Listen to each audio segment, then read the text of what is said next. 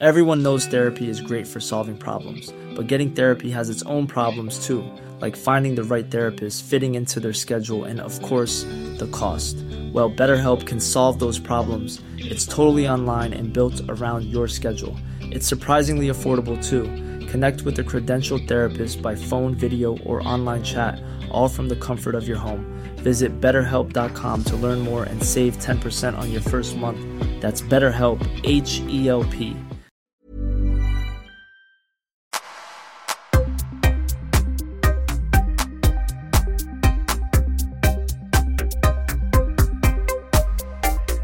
Välkomna till Öppet sinne med mig Paul Del Valle. Om det är första gången som ni lyssnar på de här avsnitten så är det här jag sätter mig och tänker högt. Filosoferar och spekulerar över livets alla frågor. Ibland kanske något vettigt kommer fram, andra gånger kanske inte. Ehm, jag vill börja med att be om ursäkt för att det inte kom något avsnitt eh, förra veckan. Jag, som ni vet så håller jag ju på med hela den här processen med att eh, ta podden till nästa steg och eh, allt det där. Eh, men då min kameraman har varit borta på annat jobb i nu cirka 20 dagar så har jag så här, inte riktigt velat boka in folk som jag vill filma. och därför har jag släppt lite fler av de här avsnitten och förra veckan så skulle jag ha poddat med en vän och så blev det inte riktigt av. Så stack jag iväg på en mikrosemester. Jag var borta i tre dagar eh, och bara försökte ladda upp batterierna lite och komma bort. Och då kände jag att jag ska inte bara stressspela in ett avsnitt utan jag får helt enkelt bara hoppa över det. Ehm, så det, det fick bli så. Men nu, idag, sätter jag mig här och ska filosofera och spekulera lite. Och på fredag så har jag bokat in en gäst. Eh, och det tror jag kommer bli ett väldigt spännande samtal. Han heter Johan, nu har jag glömt bort hans efternamn. Han har skrivit en bok som handlar om psykiatrin och eh, vi kommer prata psykisk ohälsa. Vi kommer prata medicinering, hur det ser ut med alla mediciner som vi ger, eller inte vi, som folk får ska jag väl säga. Jag är inte involverad i det här med att dela ut medicin.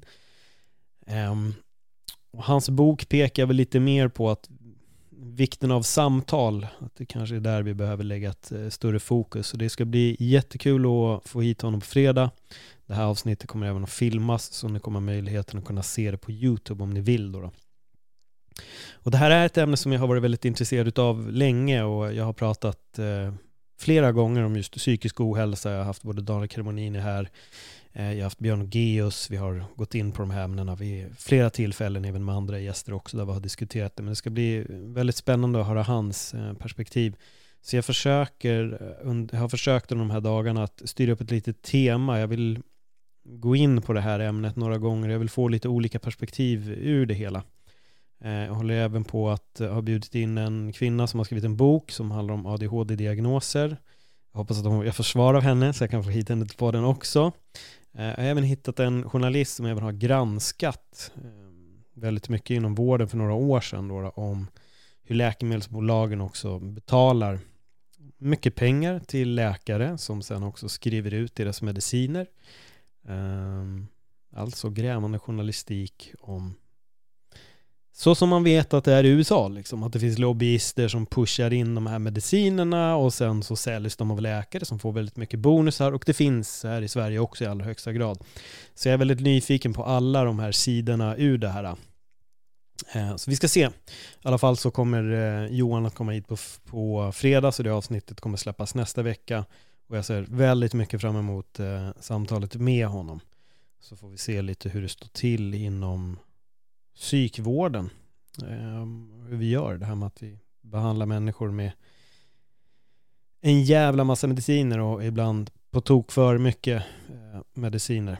Så det är ett tema som kommer komma. Jag hoppas att jag kan lyckas bjuda in alla de gästerna som jag, som jag vill att, de, att jag får svar av dem och att alla vill komma och vara med. Så vi verkligen kan gå igenom det här eh, ämnet, ska vi säga, liksom från alla dess vinklar. Eh, vad det nu innebär.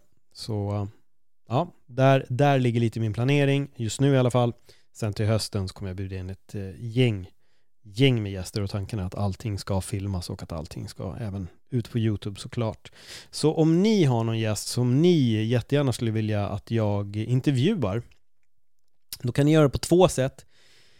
Ni kan skriva till mig, ni kan skicka ett DM, Instagram är nog egentligen enklast. Um, ni kan även tagga personen på någon av mina bilder alternativt att ni taggar mig på den personen. Det kan ni göra hur ni vill. Då blir det verkligen det här att det blir lite ute i det offentliga och tagga, tagga mig, tagga personen. Hej, vi vill höra dig på Paul Elvajs podcast Öppet sinne och allt sånt. Det är alltid ett bra sätt att liksom få igång eh, diskussionen och då ser också personen i fråga att ni lyssnare vill att han eller hon ska komma till min podd. Så tar vi det därifrån.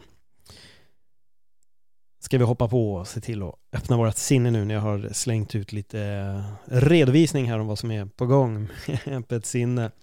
Jag fick en fråga, jag fick ett DM här för eh, någon vecka sedan då det var en person som frågade hur gör man för att påbörja den inre resan? Ska man söka en terapeut? Ska man söka en coach? Eller är det någonting man gör själv? Hur gör man? Och jag tycker det där är en väldigt bra fråga, för jag tror ibland när jag pratar om den inre resan så kan det vara väldigt svårt att veta hur börjar man? Och det, alltså det är en väldigt svår fråga på något sätt att, att ge svar på. Alltså allt som, som ställdes där med terapeut, coach och så vidare, det kan nog funka. Det kan mycket väl hjälpa att börja den vägen. Mitt svar var bara att jag personligen har gjort allt på egen hand. Ehm, jag har aldrig sökt terapi och det är någonting som jag säkert kommer göra i framtiden, absolut. Det har inte att göra med att jag är emot det eller något, absolut inte, tvärtom. Jag har förespråkat terapi flera gånger i den här podden. Men för mig har det nog handlat lite om jag tror alltid att jag haft väldigt mycket frågor. Jag har alltid undrat ganska mycket och jag har alltid gillat att spekulera. Jag är nog tänkt utanför den klassiska boxen väldigt mycket. Och jag har nog gjort det väldigt mycket om mig själv och jag landade väl i ett vägskäl där i livet där jag, jag verkligen ifrågasatte mig själv. Jag var väl på en plats där jag inte var så nöjd jag märkte väl att väldigt mycket relationer jag hade gick alltid åt exakt samma håll och jag gjorde väl ofta slut av samma anledning och jag valde väl att kanske inte riktigt släppa in någon i mitt liv heller. Jag hade en väldigt stor mur där. Och där någonstans började jag också fråga mig själv, vad, vad är det jag håller på med? Inom då relationsfrågan då, så började jag verkligen säga, vad, vad är det egentligen jag håller på med här? Och där började jag ifrågasätta mig själv väldigt mycket vilket jag tror att många glömmer idag när det kommer till relationer. Det är, jag, jag hör ofta att många ifrågasätter istället den andre, den de träffar eller den de har träffat. Att frågan ligger alltid på, på den och att det blir fel. Men det är sällan folk tittar sig själva i spegeln och frågar vad har, jag, vad har jag gjort fel här? Vad gjorde jag för fel? Och det var väl där jag landade någonstans, att jag började undra vad fan är det egentligen jag håller på med? Vad gör jag för fel? Eh, vad är det som gör att jag inte släpper in en person till 100%? Vad, varför är det så? Eh, och samtidigt så var jag också på en plats där jag, var, jag jobbade som PT då, jag var inte jättenöjd med det. Jag höll för stunden inte på med stand-up och jag höll inte heller på med MMA under det året. Jag jobbade inte med MMA heller. Så jag kände mig väldigt eh, vilsen. liksom så här, vad fan, vem är jag utan allt det här? Jag är inte komikern längre och jag är inte MMA-personen längre och jag ser även upp mig från PT-yrket också. Och då var jag bara så, vad fan är jag nu liksom? Så det var väldigt mycket frågor som kom samtidigt och där någonstans påbörjade liksom den här riktiga djupdykningen från min sida att jag ville verkligen utforska mig själv. Jag ville, jag ville lära mig mer om, om, om vem jag är och få svar. Jag tror att jag jag ville väl få svar på mitt eget beteende och jag var väl redo att kliva in ganska djupt. Så jag snubblade över en bok som hette Hemligheten, en bok om kärlek och relationer. Utav Egil Linge tror jag det Som jag för övrigt försökte få till min podd väldigt tidigt. Jag tror att jag hörde av mig till honom när jag hade typ två avsnitt bara och då hette det Paul Elvaje podcast men då tackade han vänligt nej. Eller hans assistent tackade nej. Eh, men Egil Linge kanske vill komma, komma någon gång i framtiden. Vi får se. Men i alla fall, eh, den boken där fick jag en hel del svar på mitt eh, beteende. Ehm, och det gjorde på något sätt att jag blev så okej okay, nu kan jag se ett mönster med saker jag håller på med. Nu fattar jag liksom vad det är Jag förstår varför jag inte släpper in folk. Jag förstår varför jag gör det jag gör i de sammanhangen när jag träffar tjejer. Liksom. Um, och det, det var nog en, en så här, riktig ögonöppnare för mig. Och, och, där fortsatte det bara. Efter det fortsatte det bara. Det blev ännu mer. Det blev meditera mycket, börja gå igenom väldigt mycket om mitt eget liv, om mig själv. Varför gör jag som jag gör och varför är jag där jag är och hela den biten. Och jag började läsa väldigt mycket filosofi. Jag började lyssna väldigt mycket på andra människor som också höll på med den här äh, att upptäcka sig själv, att, att skapa sig själv. Och där startade det för mig.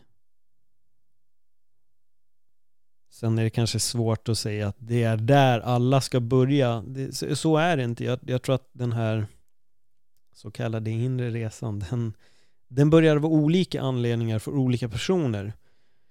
Men som jag även svarade den här personen att den har nog börjat hos dig för att du vill att den ska börja och det, då vill man skapa en förändring och jag, jag skulle nog säga lite det, det, det som är så konstigt med det borde egentligen heta något annat än den inre resan. Det, jag känner det mer och mer så här.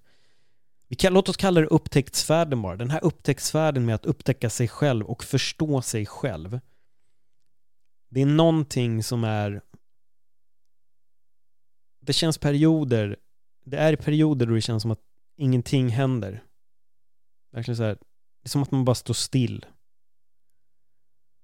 Sen helt plötsligt ett år senare då kan jag sitta tillbaka och helt plötsligt bara känna att jävlar vad jag har förändrats sen dess. Jag har slutat bry mig om ganska mycket.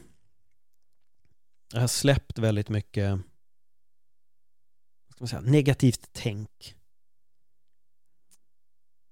Och det är det som är så fascinerande på något sätt, är att man man märker inte förändringen från dag till dag, men man upptäcker den med en viss distans så ser man bara att fan vad det har hänt mycket. Och så tänker jag, men vad är det egentligen jag har förändrat på? Exempel då, jo jag har förstått vad jag har gjort i mina tidigare relationer så och nu gör jag inte det längre och det, det är egentligen en sån väldigt liten sak men den skapar en sån otroligt stor förändring. Jag skulle nog säga att det är ungefär som en, tänk er en stol som, den står relativt stabilt men det ena benet är inte liksom, den sista skruven på ena benet är inte justerat vilket gör att det här benet kan ge vika och då ramlar hela stolen. Och det enda man behöver göra är bara ta den där stjärnmejseln och bara tsk, dra två varv och helt plötsligt står den där stolen stabilt. Så man går från att tänka att den här stolen kan man aldrig sitta på för då ramlar man till att bara dra två små enkla drag och sen står den där. Den är bara stabil. Lite så upplever jag nog att den här processen är på något vänster. Det är som att man hela tiden bara hittar en ny liten mutter som man vrider till och Så går man djupare i sig själv helt plötsligt. Börjar hitta nya grejer. Mer och mer. Mer grejer som ska fram. Och jag, tror att det, jag tror att man kan rota i allt det här i, i all oändlighet. Jag tror att någon, någonstans så får man nog så lite Jag har sagt det förr att man arbetar i en viss period, sen under en viss period gör man egentligen ingenting och sen börjar man igen och sen gör man ingenting och sen börjar man igen och så gör man ingenting och sen börjar man igen och ibland kanske man har uppehåll på ett år eller mer. Liksom, grejer behöver bara landa. Alltså, det är som när man pluggar och bara pluggar, pluggar, pluggar, pluggar så känner man inte riktigt vad man har lärt sig. Men sen när man har lagt av plugget och plugg, inte pluggat på ett, några veckor så helt plötsligt bara vrum, landar allting. Och det är nog lite så det är med det här också. Saker behöver ta sin tid och det behöver landa. Man sitter inte vid skolbänken hela tiden utan man jobbar lite då och då. Jag skulle nog säga att om du vill påbörja den här inre resan så tror jag börja bara rannsaka dig själv. Börja, frå börja ställa frågor om dig själv. Titta dig själv i spegeln och nu menar jag inte att du på riktigt behöver stå framför en spegel utan jag menar mer bara att ta en titt på dig själv och ifrågasätt egentligen hur mycket korrekt du egentligen gör. Försök hitta de här bitarna som kanske inte är så jävla bra. Det är där någonstans börjar det, skulle jag nog säga. Våga erkänna för sig själv att man man inte är perfekt. Att vi har alla våra brister och, och fel. Men vi vill förändra dem. Det, det är där det är. Det är där allting börjar. Det är liksom där den inre resan startar. För det är någonting som förvånar mig så mycket. Jag... Desto min så här. Jag själv, jag har verkligen gått från att vara en sån som vill identifiera mig med allting jag gör. Jag är PT Paul, personlig tränare. Jag är komiker Paul. Jag är Paul som jobbar med MMA. Jag vill hitta den här identiteten. Jag vill identifiera mig med någonting. Till att nu idag vill jag försöka att liksom inte egentligen identifiera mig med något. Jag, jag är inte poddaren Paul, även om jag är det så, så det, det, är inte det, det är inte så jag ser mig själv. Att jag är poddaren Paul, eller jag är killen som går till gym, eller jag är killen som jobbar med MMA, eller jag är killen som gillar att spela brädspel, läsa böcker och liksom blablabla, allt se på film, filmälskare, filmnörd. Alltså, det är saker jag gör, det är inte saker som definierar mig som människa. Och det behöver inte alltid finnas en titel på allting. Men samtidigt ser jag hur så jävla många andra idag söker en identitet. De vill lägga ett namn på vad de är. Det ska läggas namn på allt. Jag är, jag identifierar mig som det här. Som det, som det, som det, som det, som det, som det.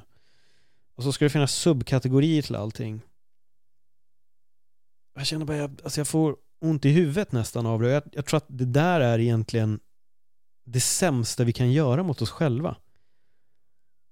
Det kanske funkar för folk. För mig så har det nästan varit skönare att bara ta bort, skala av så jävla mycket som möjligt. Det har nog gett mer befrielse än att jag ska så här, hitta min identitet. Jag måste, nu kan jag lägga ett namn på, på vem jag är liksom. Bokmannen. Eller bokhen. Men det är ju inte vad jag är ändå på något sätt. Men alla är där ute på något vänster och ska sätta en titel på sig själva. Alla är så jävla titelkåta på att ha ett namn som kan identifiera dem. men Jag är det här. Jag är fitnesspersonen. Jag är cykelmänniskan. Vem är du? Jag är en löpare. Jag löper hela tiden. Vi vill ha de här titlarna för att det ska få något sätt definiera oss som, som människor och då vet alla vem man är. Medan det egentligen bara är en titel på någonting som är en sån liten del av dig. Så jävla skönt att sitta här med alla svar som jag gör just nu. men, eh, nej men alltså jag vet inte, jag jag blir förvånad över att så många idag jagar den här identiteten, den här titeln. Jag inser själv hur kanske inte så jävla bra jag mådde av att vara identifierad med massa titlar. Och hur idag jag verkligen skiter i en titel. Jag faktiskt skiter fullständigt i vad någon identifierar sig som eller alltså och nu sitter inte jag, nu tror säkert jättemånga att jag sitter och tänker på att identifiera sig till könidentitet, det är inte det jag gör. Nu, nu slänger jag in liksom allting, identifierar sig som en fitness eh, tjej, kille liksom, eller vad den är. Det, det, är där jag är, så jag sitter inte och slänger upp subtila grejer om könsidentitet. Det är, det är inte det. Eh, jag vill verkligen bara poängtera det så ingen sitter och tror att det är det jag gör, utan jag är bara förvånad över den här identifieringen. Jag vill identifiera mig som, för att jag gjorde det med. Jag vill identifiera mig som PT, ståuppkomiker, komiker, skådespelare. Liksom, jag skulle alltid identifiera mig med någonting. Men all den här jävla jakten på den här identifieringen var egentligen bara det som gjorde mig mer och mer förvirrad. För att när jag väl klev, från, klev åt sidan från det där så var jag ju helt vilsen. Jag var helt förlorad. Hon bara, vem fan är jag nu? Vem är jag nu? Vad ska jag identifiera mig som nu? Jag är ju inte det här längre. Vad gör jag? Och det där leder till problem för folk. Det är som idrottare som helt plötsligt går i pension från fotboll och så de är inte den människan längre. Det de identifierar sig med finns liksom inte riktigt kvar. Eller fighters, jag vet flera fighters som identifierar sig stenhårt med fighting och fighter och MMA-fighter och så går de i pension och så är de inte längre. Vad är, vad är du då? Vilsen. Väldigt vilsen. Och sen vill folk hitta sig själva och sen undrar folk hur kan jag påbörja den inre resan. Men just nu känns det som att vi gör, det görs så mycket för att inte landa på den inre resan utan istället då söka en identifiering, en titel. Hur fan ska jag titulera mig själv? Vilket namn kan jag lägga på mig själv så att andra så respekterar och förstår vem jag är? Jag är och så ett ord och så reagerar alla bara oh, Wow, är det du? Ja, det är jag. Oh shit alltså. Wow. Herregud alltså. Sen när någon frågar så här, vem är du? Nej, men jag är Paul som är, är typ bam själv. Jag vill inte vara identifierad med något speciellt. Jag vill bara typ vara. Så här, gå till gymmet ibland, spela in podd, äta mat, sova, vakna upp lite trött vissa månader, meditera vid tillfälle och röra på kroppen. Men jag har inget riktigt namn eh, på allt det där än och men det vore kul om det fanns. Men jag har inget behov av det. Men det är jävligt mycket söka identitet och sen vi och dem. Vi och dem, vi och dem, vi och dem, vi och dem, vi och dem, vi och dem. Konstant.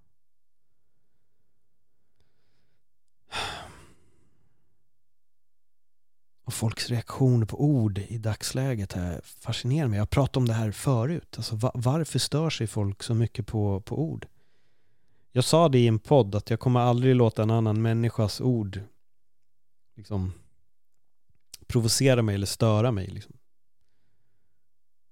Utan det beror på hur man säger det. Jag, skulle nog, jag, alltså, jag landar hela tiden i det där. Va, är, är det ordet eller hur man säger det som vi stör oss på?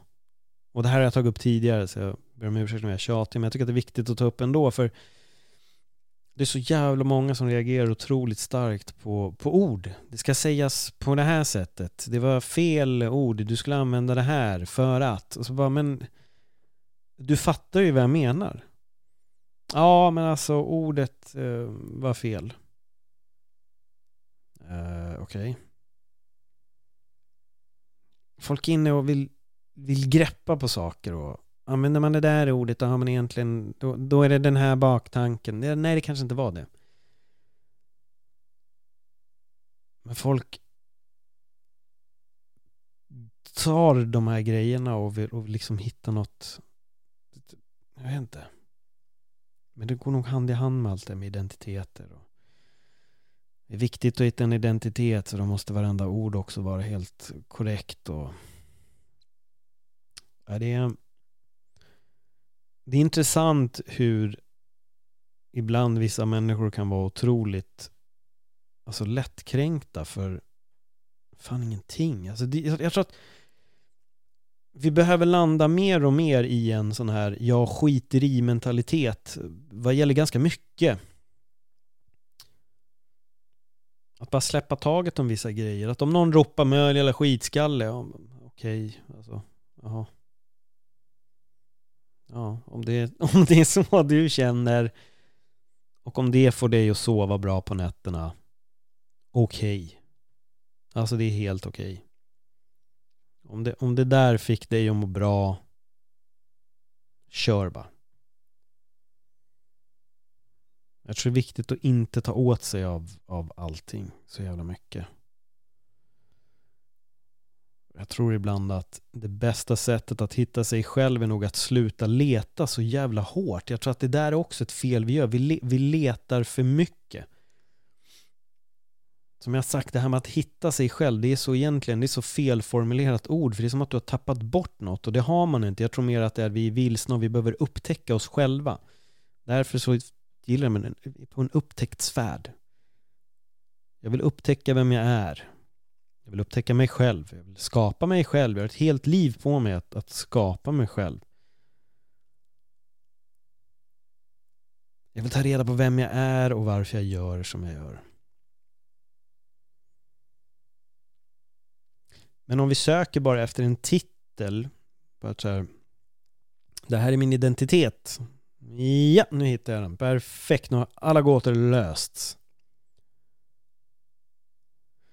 Det skulle jag nog säga lite som att leta efter den perfekta tröjan som gör att du aldrig behöver ha en annan tröja i hela ditt liv. Liksom, vi kommer vilja ha lite olika kläder. De kläderna jag hade på mig för tio år sedan är inte de kläderna jag vill ha idag. Så att söka en identitet och identifiera mig som det här. Som det här, det här är en, till exempel så här. Nu kommer jag basha lite på veganismen. Sorry Gurgen. Jag älskar dig broder, men nu kommer jag klanka ner lite på, på veganismen här. Um, det är väldigt lätt att fastna i någonting som blir så stor del av din identitet att även om du i framtiden släpper det här så kan du inte ta dig därifrån. För att det är du helt plötsligt. Du har identifierat dig med det här. Så du kan inte gå. Vi kan egentligen ta vad som helst, vi behöver inte ens ta veganismen. Vi, vi, vi kan ta vilket som helst. Du identifierar dig så starkt med någonting, du har hittat din, ditt kall här i livet. Men tänk om det helt plötsligt vänder. Att det du trodde var så här, den totala sanningen är inte det längre. Hur vänder du därifrån? När det är du, när du har identifierat dig så hårt med det här, så starkt. Det går inte att gå därifrån då, det går inte att backa. Det är därför jag tycker om att söka de här titlarna för att lägga dem på sig själv. Så jag är det här nu, oh, här är mitt svar, jag är det här. Men du kanske inte tänker så om tio år, du kanske inte vill vara det om tio år och det är okej att gå därifrån då. Det är helt okej att bryta det här som du trodde att du behövde vara. Men det finns också vissa titlar som folk tar på sig som de sen har jävligt svårt att ta av sig.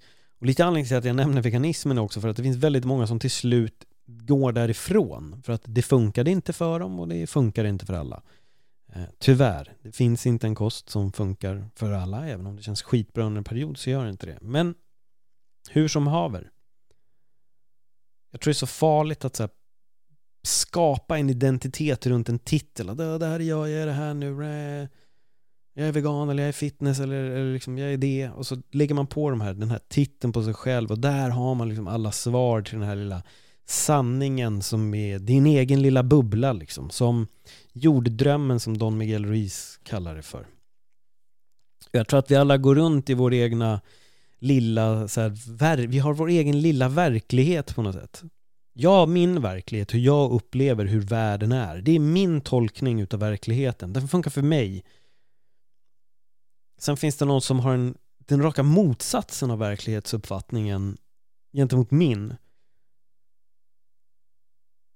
Och det är så där det ser ut. Vi, vi har alla vår lilla så kallade verklighet. Min verklighet behöver inte stämma överens med din. Eller rättare sagt, min tolkning av verkligheten behöver inte stämma överens med din och din behöver inte stämma överens med min. Men någonstans behöver vi kunna leva ihop i de här olika verkligheterna som vi upplever dem. Till exempel som att vissa är mer rädda för att gå ut på natten, andra är inte det. En del är rädda för att simma i vattnet för att man tror att det ska komma hajar. Sen finns det de som inte bryr sig för att det finns inga hajar i i Mälaren eller i, i våra svenska vatten. Förutom någon gång när de har simmat vilse. Men jag tror att det är lite samma sak. Det här med att tro att man ska bli uppäten av att gå ner i vattnet. Det är lite den här sanningen som man har intalat sig, den här verkligheten. Och jag tror att ibland skapar vi en bild av verkligheten. Och även om statistik och fakta pekar åt ett helt annat håll så vill man ändå tycka att nej men så är det ändå inte, utan det är så som jag tror. Även fast mycket pekar på att det inte är så.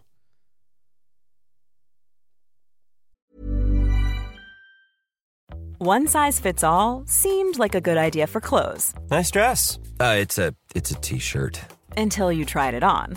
Same goes for your healthcare. That's why United Healthcare offers a variety of flexible, budget friendly coverage for medical, vision, dental, and more. So, whether you're between jobs, coming off a parent's plan, or even missed open enrollment, you can find the plan that fits you best. Find out more about United Healthcare coverage at uh1.com. That's uh1.com. Hiring for your small business? If you're not looking for professionals on LinkedIn, you're looking in the wrong place. That's like looking for your car keys in a fish tank. LinkedIn helps you hire professionals you can't find anywhere else, even those who aren't actively searching for a new job but might be open to the perfect role. In a given month, over 70% of LinkedIn users don't even visit other leading job sites. So start looking in the right place. With LinkedIn, you can hire professionals like a professional. Post your free job on linkedin.com slash people today. Och det är väldigt intressant det där hur, hur olika vi alla tolkar verkligheten. Som för många, om vi nu går in på lite politik och, och religion, så anser de att muslimer är ett jättestort hot. Jag syftar nu lite på en, en del sd där ute har ju lite det tänket liksom att det, det här måste stoppas. Sen finns det de som har totala motsatsen, att de tänker inte det alls.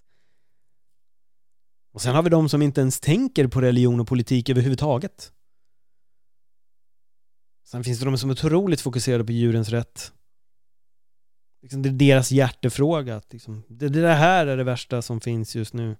Djur som slaktas.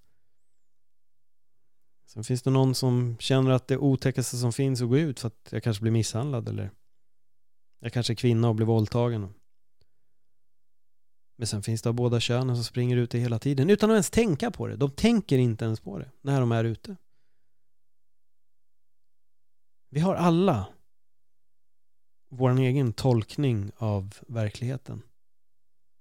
Vilka hot som lurar runt hörn och vilka som inte gör det.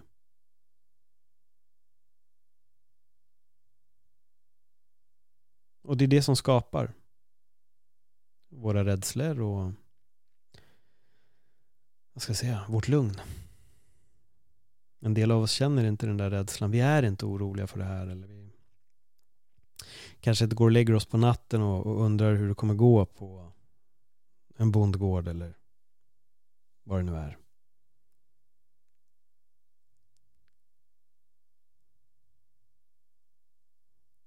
Jag har sagt det några gånger förr, men den här jag tänker ofta på det här när jag är, här speciellt när jag är i ett större sammanhang, om jag är på en fest eller på en middag, så slår alltid tanken mig, och den här tanken tycker jag ni kan ta med er, ni kan ta, om ni sitter på bussen eller tunnelbanan, ni kan, ni kan applicera den där, eller om ni är på någon middag nu i helgen, så, så lägg den, tänk, tänk den här tanken då. Att alla som sitter i det här rummet, bussen, tunnelbanan, tåget, eller på den här platsen, alla uppfattar just nu det som händer på ett helt unikt sätt alla kommer vara helt olika upplevelser om vad som händer exakt här och nu. Även om vi sitter i exakt samma rum. och Det händer exakt samma sak framför oss. Vi kommer alla tolka det på helt olika sätt. Det är därför ibland när vi lyssnar på en podd så kan en person bli jätteprovocerad över saker som sägs en annan person tycker att det är jättebra. Det är vår tolkning av vad som har hänt. Och det är vår sanning. Det är vår upplevelse. Som apropå tolkningar, jag, när jag körde stand-up så hade jag ett skämt där jag, jag skojar om att det blir ett matkrig i Kungshallarna i eh, Hötorget. Och eh, då så säger jag att det är, en, det är en gubbe som får ett nanbröd i huvudet och när han ramlar så ser det, han ser ut som en... Jag sa att när pensionärer går så ser det ut som att de springer i slow motion och då fejkar jag slow motion gång och då när jag gör det så gör jag en liten så hackig gång för att man ska förstå att det är slow motion och jag gör det väldigt långsamt så jag skakar liksom fram, darrar fram kroppen. Och så säger en person till mig efter mitt uppträdande att det var jättekul, alltså gud jag, jag skrattar jättemycket men hål. när du drar det här skämtet om det här matkriget så det är inte okej okay att du liksom skämtar om att den här gubben ska ha Parkinson när han får namnbrödet i huvudet. Det är väldigt okänsligt och om det sitter någon med Parkinson där, du vet, det, det är inte bra. Så det där ska du ju bara ta bort för det är, det är inte okej. Okay. jag vart så ställd när jag hörde det här för att jag hade aldrig tänkt att den här gubben hade Parkinson. Utan min tanke var att det var en gubbe som ramlar i slow motion och då markerade jag med liksom ett hackigt så här, rörelsemönster. Det, det, det, det, det, hur han ramlar ner. Men den här personen fick det alltså till Parkinson. Det är nästan en kränkning mot folk som hade Parkinson. Jag har aldrig tänkt att den här personen hade Parkinson. Det, alltså, det har aldrig varit min tanke. Och jag vart ställd och inombords vart jag verkligen så full i skratt så jag tänkte så här, oj vilken intressant analys av min skämt. Du, du, mitt skämt, du tror alltså att den här gubben har Parkinson och det kränkte dig lite. Jaha. Jag bekräftade inte för den här personen att den hade rätt, utan jag var med och sa, jaha, okej, okay, ja, det var intressant. Um, men det fastnade för att jag, återigen, tolkningen, alltså det här blev ju den personens sanning att jag hade ju alltså skojat om en person som hade Parkinson. Och ska jag vara helt ärlig så det hade inte spelat någon roll om den här gubben hade haft Parkinson ändå för att den här kvinnan som sa det till mig, hon hade inte Parkinson och det spelar ingen roll om jag hade skojat om en gubbe som hade Parkinson heller. Det hade inte spelat någon roll. Det är inte kränkande att den här gubben skulle haft Parkinson. Men det var det för den här personen. Även fast min gubbe hade inte Parkinson. Min gubbe ramlade bara väldigt långsamt. Återigen, tolkningar. Hur vi väljer att tolka det som sker framför oss. För jag har aldrig hört någon annan komma med den referensen. Ah, vad kul eller vad tråkigt att din gubbe hade Parkinson. Aldrig. Det är en person som har sagt det till mig. Alla andra har antingen skrattat eller inte skrattat men det är ingen som har sagt att den hade Parkinson.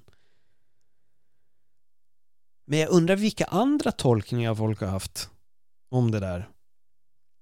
Någon kanske trodde att jag skojade att gubben egentligen var CP-skadad eller hade ett handikapp eller var mongolid. Jag har ingen aning. Alltså jag har verkligen ingen aning.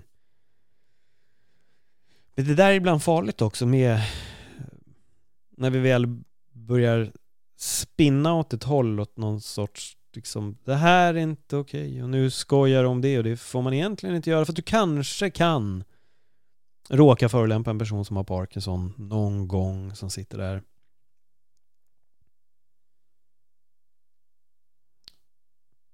Fast jag skojade ju inte om en gubbe som hade Egentligen borde jag ju sagt det fast det var ju faktiskt inte en gubbe som hade Parkinson. Jag, jag tyckte bara att det var så, alltså jag tyckte innerst inne att det var så kul så jag ville bara nästan så här låta den här personen tro det var det jag kände. Ja, okej, okay. fan vad intressant.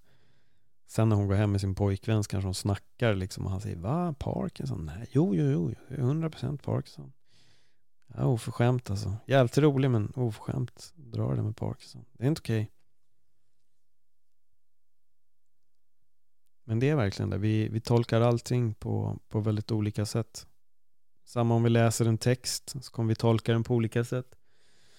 Den texten jag upplever kränkande upplever en annan person inte kränkande. Eller jag ska nog vrida på det. En annan person upplever kränkande upplever inte jag kränkande.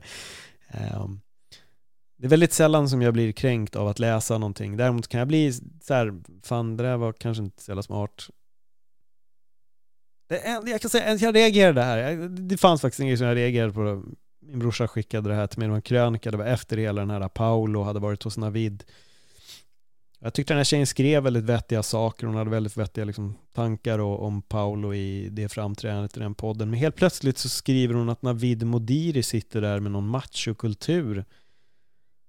Så vart det så, va? Nu lyssnade inte jag på hela podden, jag tror jag lyssnade 50 minuter, sen, sen var jag nog ganska mätt på att höra, men jag upplevde aldrig Navid med någon form av machokultur. Alltså, Navid är nog lite mer som mig tror jag där. Utforska ditt inre och liksom upptäck dig själv och men att han skulle sitta och vara macho, jag bara, va? Vänta, va? Vad var det? Va? Har hon ens hört podden? Hörde hon egentligen vad Navid har frågat liksom?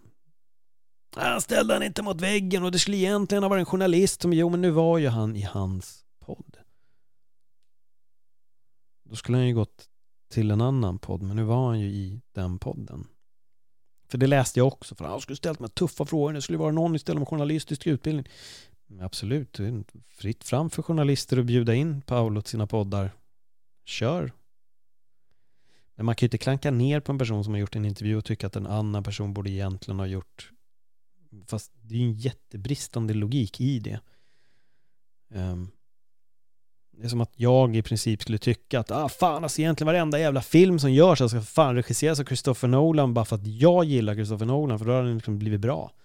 Fast and Furious, alla delar borde ha gjorts av Christopher Nolan så hade det liksom funnits något djup i den. Nu är det ju bara folk som kör snabbt med bil och det tycker folk är skitcoolt. Ingen kan egentligen handlingen på filmen för att de åker bara snabbt och det är cool musik och balla klipp och så vet man egentligen ingenting. Men det är väldigt intressant det, tolkning. Det, det har märkt också väldigt mycket som händer just nu. Har hänt väldigt mycket senaste tiden. Det är att folk baserar en åsikt på en annan människas åsikt utan att egentligen har varken läst, lyssnat på den andra personen utan bara så här, den här personen litar jag på, den sa det om den här personen, då är det så. Jag tänker inte kolla upp det själv, men jag, jag har hört. Det kan jag tycka är lite intressant. Vi, vi granskar inte till, vettig källkritik och katastrof, för folk har ingen koll idag. Eller väldigt många har väldigt dålig koll. Eh, men det blir lite skrämmande tycker jag när man baserar sin åsikt på vad en annan person har sagt. Eller att man baserar sin åsikt om en människa baserat på en annan människas krönika eller Det där är udda, tycker jag. Lyssna. För det är något jag reagerar på. Folk är väldigt dåliga på att lyssna. Det är en, det är en brist på att lyssna. Jag märker det så ofta även, fast då är det att läsa, men, men det handlar om att i till exempel kommentarsfält, när det blir de här diskussionerna dyker upp. Jag tycker det är ganska kul att läsa dem, men det jag märker varje gång är oftast att de läser egentligen inte vad den andra personen skriver. Utan man prackar bara på sin egen åsikt. Men man läser inte svaret man får, utan man kommer bara med ett mothugg direkt istället för att läsa vad den andra personen faktiskt har sagt. Folk är väldigt dåliga på att lyssna, skulle jag nog säga. Speciellt när det kommer till debatter. Alltså det, det, man lyssnar inte. Man bara säger jag har den här åsikten och så ska jag säga någonting högt många gånger. Det här, så här är det med det här. Men du måste lyssna. Folk är otroligt dåliga på att lyssna. Lyssna vad den andra människan säger innan du ger svar.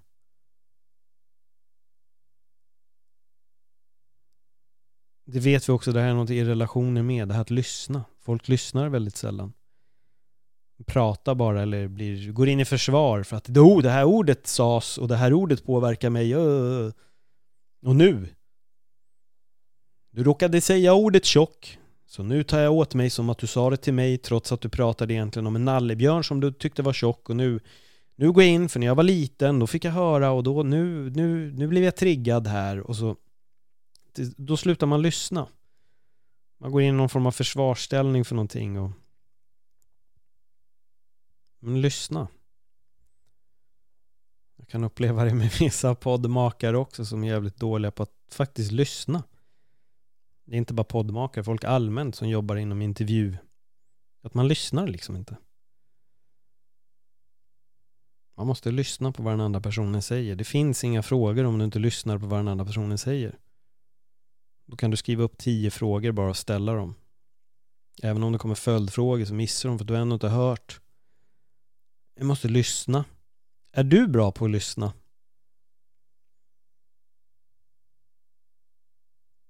När någon pratar med dig, lyssnar du verkligen? Hör du vad personen säger då?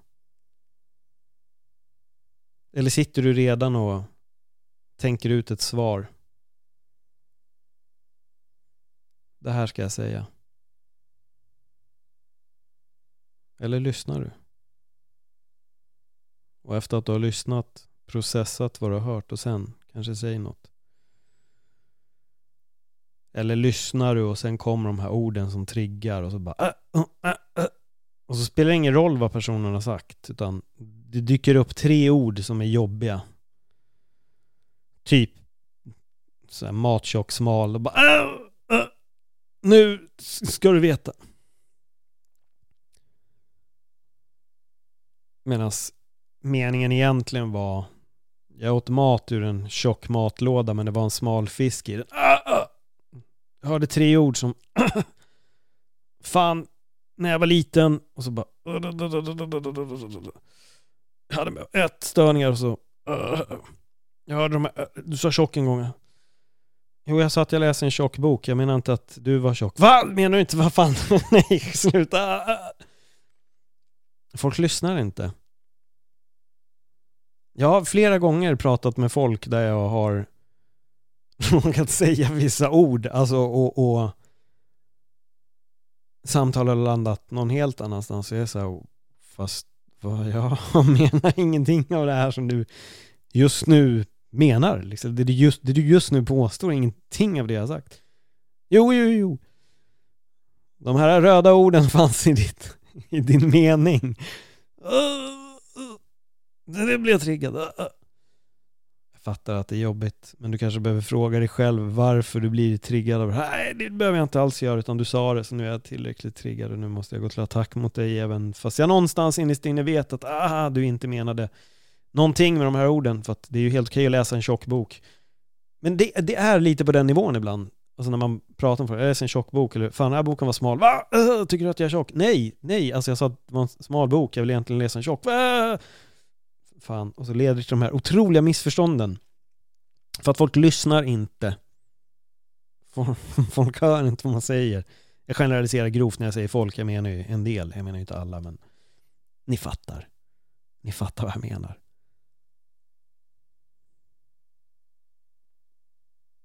Det är väldigt intressant var jag landar när jag väl börjar prata i de här avsnitten alltså.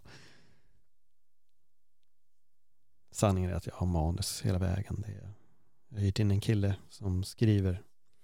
Förlåt, en tjej var jag tvungen att säga där. Så ingen tar illa upp.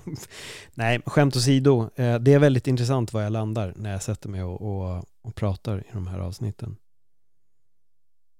Ehm, som sagt, jag är faktiskt alltid väldigt, väldigt oplanerat och så bara kommer fram hur mycket som helst. Från den inre resan till att lyssna liksom. Det är, det är där vi har hamnat. Det är, det är där vi är nu. Men det är viktigt. Alltså vi, vi, vi, alltså vi måste verkligen lyssna. Så jag ställer frågan till dig igen. Lyssnar du noga? Inte bara att du lyssnar på den här podden nu, att du lyssnar på mig noga. Nu syftar jag verkligen på att när någon pratar med dig, lyssnar du noga? Hör du vad personen säger? Känner du igen dig i att du blir triggad vid vissa ord? Om du gör det så får du frågasätta dig själv, varför blir jag det? Don Miguel Ruiz säger en väldigt bra grej i Fyra grundstenar till ett bättre liv, det är att det är mina ord som snuddar vid dina sår. Det är inte avsiktligt från mig. Om jag går på en person och säger ah, du är ett jävla fetto eller du är en anorektiker, en spinkig människa, då är det klart att jag är jävligt otrevlig. Men om jag säger att jag läste en tjock bok eller åt en fet fisk eller tittade på en smal film, alltså det ska man inte bli triggad utav. Men det är väldigt vanligt att vissa grejer triggar så jävla mycket och vi måste släppa det där. Det där är väldigt viktigt att bli av med. Om du reagerar på sånt här, då måste du fråga dig själv varför gör jag det? Vad är det som gör att jag blir så provocerad? För om personen inte har en avsikt att provocera dig, då är det ju du som blir provocerad helt utan anledning och det ligger hos dig. Då ligger ansvaret exakt bara på dig. Det är inte den andra personen.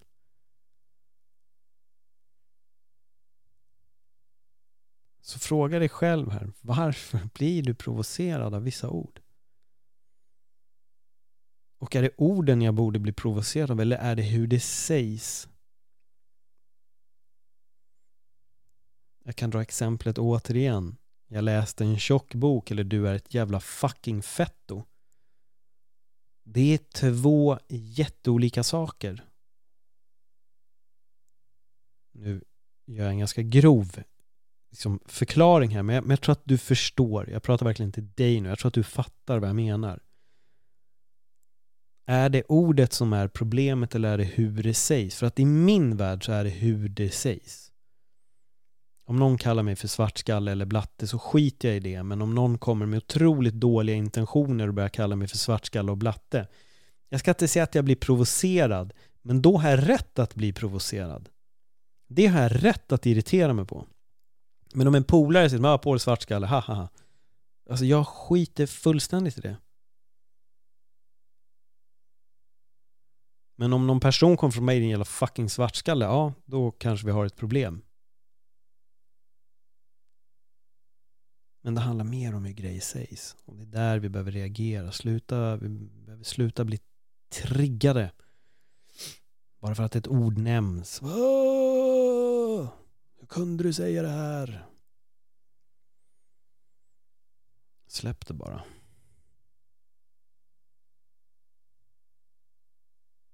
Fan, vi söker identiteter. Vi vill ha ett ord som vi kan klamra oss fast i samtidigt som vi blir triggade av specifika ord. Istället för att bara släppa identiteten. Skit och hitta det här ordet som ska identifiera dig som människa och strunta i vad folk säger till dig alltså. Vi lägger så jävla mycket tid på att ah, den här sa det, den kanske tänker det här om mig. Oh. Men hur förändrar det din vardag? Egentligen.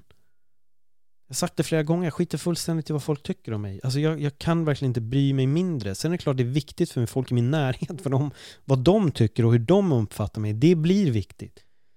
Men folk jag inte känner, alltså jag, alltså jag kan inte bry mig mindre. Jag kan verkligen inte bry mig mindre om vad någon som jag inte känner tycker om mig. Det spelar inte mig någon roll. Jag sover inte sämre för att det finns en person på den här överbefolkade jorden som tycker att jag är någonting som jag inte är. Jag har inte tid att lägga min energi där. Jag skiter i det. Jag lägger fokus på dem jag har runt omkring mig. De som betyder någonting för mig. Där lägger jag mitt fokus. Och då syftar jag på vad de tycker om mig. Det är klart att det blir viktigt. Med folk som jag aldrig har träffat, alltså vad fan, det skiter väl jag i om en person upplever mig på ett sätt eller lyssnar på min podd och blir triggad för att jag sa en tjock bok och en smal film. Det spelar liksom ingen roll. Det spelar liksom ingen roll. Livet är speciellt alltså. Livet är, livet är väldigt, väldigt, väldigt speciellt. Det är en speciell resa vi är på allihopa. Eh, och det är en eh, unik för oss alla också. Din verklighet är inte min verklighet och så vidare. Så det finns väldigt många ekvationer på den så kallade konsensusverkligheten som ändå inte är konsensus på något sätt. Men att vi lever... Jag måste ta upp det här, det här, det här är så här, höjden av ironi för mig. Jag tror jag har pratat om den här 500-mannamarschen, eller 5000 eller 1000 man skitsamma. Ni vet de här som tycker att åh, våra rättigheter och friheter har blivit helt borttagna. Åh, livet är så jobbigt nu under covid här i Sverige. Åh, jag får inte göra det jag gjorde förut. Oj, oj, oj. Det svenska folket reser sig, stod en snubbe och säger i tv som 500 personer demonstrerar. Alltså, de demonstrerade tydligen här nu i söndags demonstrerade de. I Östermalm, skitsamma, någonstans i Stockholm demonstrerar de. För att de vill få tillbaka friheten. I den här fasen, när Sverige håller på att ändå att sakta men säkert öppnas upp och vi öppnar upp ifrån att egentligen bara ha haft rekommendationer. Det är inget tvång med mask. Allting har mer eller mindre varit öppet som innan. Förutom att oj, okej, okay, du får inte dricka en bärs på Söder efter att klockan har slagit 20.00. Nej men herregud vilket inkränkande på min, min min verkligen mänskliga rättighet. Ja, det här är en sån dag när jag har varit ute, jag har varit och grillat, jag har sett folk överallt och det är inte som att folk har mask, det var inte som att folk höll någon jävla social distansering, ingenting. Inget sånt. Alla gick på varandra mer eller mindre. Men då går de här människorna runt och vill demonstrera. För att deras rättigheter blir inkränkta. Och deras friheter blir sakta men säkert borttagna. Och ja, Sverige är ju bara ett skuggan av sitt forna jag liksom. Det är väldigt intressant hur de här människorna, det kanske är du som lyssnar på den här podden med, du kanske var där, jag vet inte. Och helt plötsligt nu sitter du där och bara Fan Paul, han är så jävla triggad! Hur fan kan du säga det? Du fattar inte hur mycket det inskränker på våra, våra friheter liksom. Jag är van vid att kunna dricka bärs på Söder klockan 20 över 8. Ja, alltså det är höjden av ironi när halva landet är ute på gator och torg och så går de här och demonstrerar och menar att våra friheter och rättigheter har blivit inskränkta. Ja, herregud alltså. Vi behöver lyssna mer på folk, eh, men kanske inte dem. Och inte de som tror att du kommer få ett mikrochip om du vaccinerar dig heller. Och jag vet att det är väldigt många som tror att 5G är skitfarligt också, vilket är jätteroligt. Och det roligaste med det där med att folk tror att 5G är skitfarligt, det är samma personer som också tror att våra rättigheter håller på att försvinna. De tror att, och de tror också att corona är bara helt påhittat. Det existerar inte, du kan inte få corona. Men står du vid en 5G-mast, alltså jävlar, då börjar det blöda näsblod. Då faller du nog ihop liksom med hjärnskador, krympt hjärna och liksom allt där. Du får nog cancer ganska snabbt också. Det är helt otroligt. Men det är deras verklighet. Det, det, det galna är att det är deras verklighet. Det är helt och hållet deras verklighet. De, de tror på det här och är jätterädda för det här. Samtidigt som de sen förklarar att alla försöker skrämma er med corona. Det är att på liksom bara för att skrämma dig. Men 5G är allra högsta grad skitfarligt. Shit, du kommer dö. Corona, nej, nej, nej, det är ingenting. Skit i social distansering. Du kan kyssa vem som helst, spelar ingen roll. Även om du är gift eller så, bara kyssa andra människor bara för att visa liksom. Att eh, de ska fan inte ta bort våra mänskliga rättigheter här inte. Det ska de inte göra. Det är fan en ding-ding-värld på jävligt många sätt alltså. Och här går jag runt och pratar om så här, den inre resan, skit i det, skit i det här, skit i det, skit i det, skit i det här. Och sen finns det de som bara är helt, helt åt ett annat håll. Nej, du måste se det här, reagera på det här, tänk på det här, var panikslagen, var skit, gör det här, åh fan, de tar det här ifrån mig, bla. Jag är typ så här, ja, fan jag var ute med min polare idag, jag gick och tränade på gymmet, jag slickade på en, på en bänkpressstång bara för att jag hade sprayat den rent först såklart, men bara för att jag var på gymmet så, så gjorde jag det, sen kom jag hem, var med min polare, vi spelade lite brädspel, chillade, drog ut, käkade en lunch. Men sen finns det de som då upplever exakt den här samma verkligheten, så som jag rör mig, upplever mig själv vara väldigt, väldigt fri i. Så finns det också de som går runt och kan lika gärna gå bredvid mig på gatan och uppleva att liksom allting är helt som ett fängelse just nu.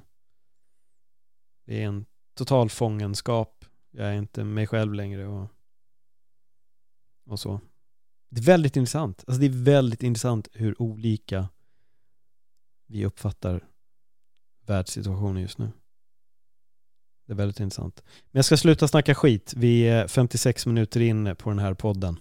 Och eh, om du lyssnade så här långt, fan vad bra jobbat. Tack så jättemycket. Då betyder det ändå att du någonstans uppskattar det jag gör. Ehm, jag är så dålig på det här med Patreon, men jag slänger in det igen. Om ni vill stötta mig på Patreon, gör jättegärna det och då hjälper ni mig i den här processen att bygga upp allt det här som är då öppet sinne och, och få spridning på den här podden och dela den jättegärna. Alltså jag verkligen, era delningar gör så mycket mer än vad ni tror. Det kanske är ett litet klick för er, men det betyder väldigt mycket för mig. Om du har någon vän som du tycker borde lyssna på den här podden, skicka den, smsa podden, mejla den, DMa den, gör exakt vad du vill. Men hjälp mig att sprida öppet sinne så att vi tillsammans kan upptäcka oss själva eller vad det nu än är vi vill i vårt liv. Och ännu en gång, om ni vill att jag ska bjuda in gäster till podden, skriv till mig, tagga gärna mig och gästen på något av mina inlägg eller gästens inlägg så ser jag till att, eh, att gästen bokas så vi får in massa intressanta samtal. Hörni, ni är riktigt, riktigt eh, grymma och kom ihåg det, vad någon än säger till dig så du är jävligt bra och du betyder väldigt, väldigt mycket. Och låt ingen annan säga något annat för att den personen som säger motsatsen snackar man en jävla massa skit och det behöver du inte ta åt dig av. Du är unik. Kom ihåg det. Tack för att du lyssnade. Hej då.